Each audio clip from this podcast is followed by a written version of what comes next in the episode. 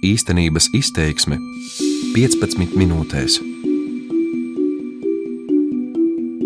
Čau, un mīļie draugi! Mīšas sveiciens atkal Instagram TV video. Uh, jā, es uh, ļoti bieži tā daru, kad, es, uh, kad man ir atnācis kāds jauns produkts, tad es par viņu tikai lieku stāstījus un fanoju, fanoju, fanoju. Šodien šis video būs par uh, vieniem no maniem lielākajiem superproduktiem. Tā ir kaut kas riekstēļa noteikti. Ja man te būtu zāle, tad visi aplaudētu. Šī jautrā balss pieder katei. Katei ir žilbinošs maigs, mākslīgi kuplināti mati un gandrīz 6000 sekotāju sociālajā tīklā Instagram. Tiem katra stāsta, kā ar sodu vai nonī augļa sulu ārstēt vēzi. Un, ja jūs gadījumā ticēsiet, jūs varat to no katras arī nopirkt. Vienīgā problēma - katei nav ne zināšanu, ne izglītības medicīnā. Kata ir tā saucamais ietekmelis, proti, influenceris, kurš saviem sekotājiem melo par pārdodamo produktu veselīgo ietekmi. Studijā nākamās 5 minūtes būšu es, Rebātika redaktore Sanita Jemberga un žurnāliste Inese Liepiņa. Sveiki, Inese! Labdien! Runāsim par to, kā sociālajos tīklos vienlaikus ar sapņiem par skaistu dzīvi, kuras jums nav, pārdod arī produktus, kuri jūs neārstē, un kāpēc kontrolējošās iestādes neko nedara. Ines, pirms sākt runāt par to, kā Instagramā jaunas sievietes tirgo ar veselību saistītus produktus, varbūt ir vērts izskaidrot, kas ir Instagrams un kāpēc mums vajadzētu par to uztraukties. Instagrams ir tāds sociālais tīkls, kur um, uzsvers ir uz fotografiju. Cilvēki tur liek bildes no ceļojumiem, no pasākumiem, ēdienus, kaut kādus skaistus dzīves mirkļus, un uh, ar skaistiem attēliem bieži vien arī kaut ko pārdod. Instagram lietotājiem ir daudz sekotāju, viņiem bieži piedāvā kaut ko reklamēt, un par to arī maksā. Teorētiski viņiem par to jāinformē ar tēmu, tur, ka tā ir reklāma, lai nemaldinātu savus sekotājus, taču tas nevienmēr notiek. Šo Instagram lietotāju daļu tad arī sauc par uh, influenceriem jeb ietekmeļiem. Lai radioklausītāji saprastu, cik populārs ir šis tīkls, to katru mēnesi skatās vairāk nekā populārāko Latvijas TV ziņu raidījumu vakarā. Mums ir daži mega influenceri, tādi kā porziņģis, bet vairākumam ietekmeļu sekotāju skaits svārstās no 1 līdz 20 tūkstošiem. Mums vajadzētu saprast, kāpēc ir svarīgi viņus pētīt tieši veselības temata sakarā, kāpēc mēs viņiem pievērsāmies.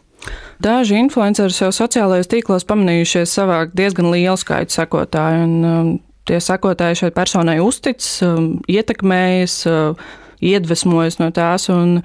Ir cilvēki, principā, kuriem seko skaita ziņā vesela Latvijas novada, un, manuprāt, tā ir pamatīga ietekme un būtu tikai loģiski, ka līdz ar šo ietekmi nāktu arī nu, kāda drusku atbildības. Diemžēl tas nereti izpaliek. Pievērsties tieši veselības tēmai, pamudināja nesenais gadījums Somijā. Tur uh, kādai no šīm influencerēm par to, ka viņi meloja, kādas lietas var ārstēt uh, nopietnas slimības, tika piespriests 100 uh, tūkstošu eiro sots. Lasīju šo ziņu un atcerējos, ka, hei, es arī īstenībā pie mums esmu redzējusi, ka cilvēki Instagram vidē pārdod kaut kādas lietas un piedāvā diezgan brīnumainus efektus un ārstējošus. Bet. Jā, kā arī noteikti viens no tādām brīnum lietām ir šis fantastiskais auglis aizkavē vēža šūnu veidošanos, un pat ja ir kā, iesākšās kādas metastāzes, tad viņš to aptur. Jā, tas ir tāds tā kā tiešām brīnum līdzeklīts. Lai tādu apgalvojumu varētu publicēt, vajag uh, uztaisīt labus klīniskus pētījumus, kur, ja būtu tāda augļu sula, kura varētu izārstēt vēzi, tad tas cilvēks būtu Nobela prēmijas laurāts. Ja? Jā, Stradiņas slimnīcas onkologs Viktors Kozarovskis man stāstīja, ka esot pat pacienti, kas salasās visādi šādas lietas, un tad nāk un saka, ka, piemēram, viņiem vajadzētu špricēt sodu vēnā. Pacients pieņēmis, ka jā, viņam vēzis, un tagad viņš jau ir darījuši visu, lai pēc iespējas labāku ārstēšanu, lai izārstētu. Un, tā. un bieži vien šeit viņš internetā ieraugot šādu reklāmu, ka jā, ot, tur ļoti labi rezultāti, ah, oh, vai es dzeršu. Un tad, nu, ot, ot, tur ir tas risks, ka šī psiholoģisko īpatnību dēļ pacients tāda izmisuma viņš, viņš ir tiešām ļoti nu, var piekrist visādām šādām krāpnieciskām izdarībām. Arī mūsu jau iepriekš minētā kate dalās savā sodas receptē un, un saka, ka tā varētu kalpot kā pretvēža terapija. Mm, viens no tādiem skaļākajiem šīs teorijas izplatītājiem bija kādreizējais itāļu ārsts Tulio Simončīnī. Viņš šobrīd ir cietumā, jo ar savām sodas injekcijām ārstēja cilvēku, kuram bija smadzeņu audzējs, un šis cilvēks mira. Principā šis ārsts tika pasludināts par slepkavu. Katras gadījumā gan um, tur ir problēmas arī ar pašu recepti. Viņi saka, ka soda jāsajauc ar ūdeni un citronu, un tad jādzer iekšā. Veselības centra četri gastroenteroloģi Ilona Vilkoita to sauc vienkārši par bezjēdzīgu darbību. Te arī ir runa droši vien par ķīmiju elementāri. Nu, droši vien, es nezinu, 8. klases ķīmijas vielu, kad vienkārši sajaucot sodu kas ir sārmaina vide ar citronu, kas ir skābi, viņa jau pati par sevi neutralizējās. Līdz ar to mēs iedzeram neitrālu šķīdumu, un kuģim tas nu, praktiski vispār nekāda efekta neatstāja. Patērētāja tiesība aizsardzības centra vadītāja Baiva Vitoļiņa man apstiprināja, ka piedēvēt produktiem brīnumspējas īsti nedrīkst. Viennozīmīgi šāda informācija par produktu kā reklāma nedrīkst tikt sniegta. Nepierādot, ne nepierādot, ja, jo ārsteiciskas īpašības piedēvēt produktam nedrīkst. Tie ir viena no tādiem, nu, tādām sliktākajām lietām pret patērētājiem, jo tiešām ir tā, ka cilvēki, kam ir kaut kādas eh, nopietnas saslimšanas, ir daudz uzņēmīgāki pret šādu tipu reklāmām. Viss, ko viņi saka, izklausās ļoti labi, taču, kad tāds prasa darīt kaut ko konkrētu, nekas nenotiek. Komentēt nevar, jāizmeklē grūti un vispār teica, lai es rakstu iesniegumu.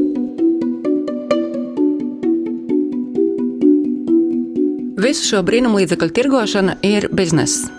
Instagram reklāmu vērtību pasaulē šogad lēš starp 5 un 10 miljardiem dolāru. Latvijā neviens nevar pateikt, par cik lielu biznesu mēs runājam, Arī mums pašām pagaidām ir ierobežots priekšstats par to, kā tas darbojas. Visvienkāršākais salīdzinājums ir 90. gados populārās finanšu piramīdu schēmas. Jā, pēdējā laikā pie mums arī vairāk pamanu, ka tā saucamās Instagram māmiņas iesaistījušās ēterisko eļļu pārdošanā. Tur ir perfektas bildes un diezgan uzmācīga reklāma. Hei, nopērc manu eļļu vai starta komplektu. Un Sāku skatīties vairāk, un izrādījās, ka tas ir tāds milzīgs uh, multimiljardu amerikāņu uzņēmums, kurš darbojas, uh, es teiktu, labākajās piramīdu schēmu tradīcijās. Tu nopērc uh, apmēram 200 eiro vērtu starta komplektiņu ar eļļām, kļūst par izplatītāju, piesaisti vēl cilvēkus, un tad, kad tie nākamie cilvēki piesaist nākamos cilvēkus, tad tu dabū procentus no, no tā, ka viņi nopērk šo starta komplektus. Un, It kā jau uzķerties uz šādiem trikiem neaizliegsi, bet uh, firma, kā vēsta ārzemju mēdīja, ir slavena ar to, ka savām eļļām piedēvē tādas ārstnieciskas īpašības. Uh, bija pat gadījumi, kad viņi stāstīja, ka eļļas ārstē ebolu. Bet pēc uh, vairākiem tiesas procesiem viņi nolēma, ka publiski viņi vairs nestāstīs par ārstnieciskiem efektiem, vismaz ne pati firma bet redzams, ka izplatītājs joprojām to dara. Un, uh, piemēram, stāsta, ka eļļa var būt liels atbalsts bērniem ar autiskā spektra traucējumiem. Un, Tam gan nepiekrita īsti mūsu uzrunātais bērnu psihiatrs Nikita Bezbarodovs. Tā tā eteriskā eļas smarža var būt eh, interesanta un, un patīkama, bet eh, te nevar runāt par nekādu ārstniecisko vai veselības efektu. Šo naudu, kas tiek eh, ieguldīta eterisko eļu nopirkšanā, daudz efektīvāk būtu ieguldīt metodes, kas ir pierādīti efektīvas. Lai pārbaudītu, kā Latvijā tas darbojas. Arī Ines devās iegādāties vienu no produktiem pie kates. Viņa gāja pirkt kokosriekstu eļļu, kas it kā izārstēšot viņas nēsošo dermatītu. Liek teikt, ka arī tas dabā nav iespējams, bet par pirkumu kate Inese izsniedza čeku, kurā gan bija norādīti pakalpojumi, kurus viņa nebija pirkusi. Bet, jebkurā gadījumā, kate ir reģistrējusies kā pašnodarbināta persona, bet nemaksā pievienotās vērtības nodokli, kas nozīmē, ka šis bizness ir, tas ir neliels, tas nepārsniedz vairāk kā 40 tūkstoši eiro gadā apgrozījumu. Un intereses pēc mēs palūkojāmies, kādu finanšu dati ir influenceru asociācijas dibinātājas Mājas ar Maņevas uzņēmumam. Tas, ko mēs ieraudzījām, nodokļus uzņēmums sācis maksāt 2018. gadā. Šajā biznesā Māja ar Maņevu spēja pārdot pakalpojumus vai preces par apmēram pusotru tūkstošu eiro mēnesī, bet nodokļos samaksāt apmēram 350 eiro mēnesī. Ja mēs pieņemam, ka Latvijā būtu tikai ap 100 influenceriem, no viņiem sanāk viens vidēji lieluma uzņēmums.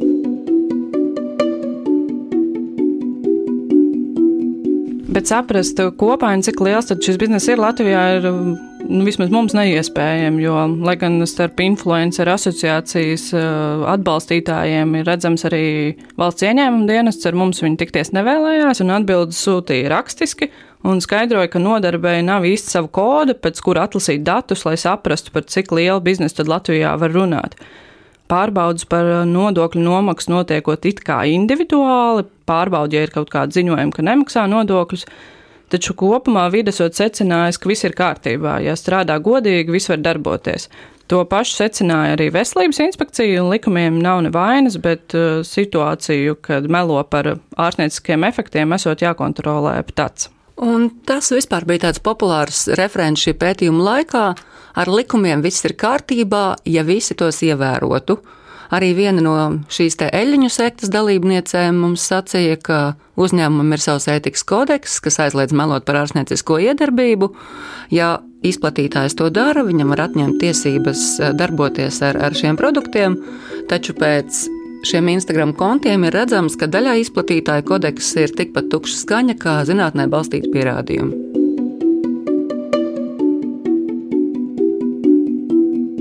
Runājot par tiem zinātnē balstītajiem pierādījumiem, tam ir veltīta šī pētījuma trešā publikācija, kur kolēģi Evita Pūriņa iedziļinājās viens influenceris vārdā Guna Rožlapa Instagram kontā. Tur viņa kā ārstniecība visiem dzīves gadījumiem piedāvāja seleriju sulu. Tā ir vēl viena kopīga šo influenceru pazīme, ka zinātne nav svarīga, visums un gari un viss cits ir uh, daudz gudrāks par tiem, kam kabatā diploms. Un man ir jāatzīstās, ka rediģējot šos rakstus, man brīžiem bija ļoti grūti nesmieties, un es mēģināšu bez smiešanās nolasīt tikai vienu citātu, lai jūs saprastu, par ko ir runa. Proti, dzīves laikā smadzenēs un aknās uzkrājas smagie metāli, pie tiem piesūcas tauki Kā rezultātā mūsu organismā rūsē veci metāli, radot korozīvus bojājumus audos. Un to visu ārstē Selērija Sula. Es, protams, pēc šī raksta sapratu, kāpēc es no rītiem jūtos kā kraķis, un varētu jau pasmieties, ka, tāpēc, ka es vienkārši esmu sastāvošs no sarūsējošiem metāliem, un var jau teikt, ka no Selērijas sulas dzeršanas neviens nav nomiris. Taču, ja mēs runājam par vēža ārstēšanu ar suliņām vai sodu, tas pie nāves novedīs ar garantiju. Līdz ar to jautājums, kurš kontrolēs un sodīs par melošanu par produktu ārstniecisko iedarbību, ir visnotaļ nopietns, sevišķi ņemot vērā, ka sociālo tīklu loma mūsu dzīvēs tikai pieaug, un šobrīd jau es teiktu, vesela paudze principā iepērkas tikai internetā un ietekmējas no tā, ko viņi redz savu elku influenceru kontos. To es pat acu jautāju vairāk kārt, gan klātienē, gan rakstot ēpastus, uh, rādot konkrētas personas, kas melo par ārstnieciskiem efektiem, taču konkrēts uh, piemērus viņi komentēt īsti nevēlējās, sakot, ka šīs lietas ir sarežģītas, prasa laiku, un iestādes vadītāji atzina, ka viņi visam nespēja izsekot līdzi īpaši internetā. Tās lietas ir īpaši sarežģītas, ņemot vērā, ka, piemēram, Instagramā daļa no informācijas saglabājas vien 24 stundas un pēc tam pazūd nebūtībā. Likumi jau tā kā būtu uzrakstīti, taču šobrīd, manuprāt, lielākā problēma ir tā, ka paši uzraugi nespēja izsekot līdzi tehnoloģiskajai attīstībai, vai arī vienkārši nezina, kā to darīt. Šo raidījumu sagatavoja Rebaltika speciāli Latvijas radio. Vairāk par Instagram influenceriem un meliem par produktu brīnumaino ietekmu uz veselību lasiet Rebaltika mājaslapā un lsm.lv. Īstenības izteiksme 15 minūtēs.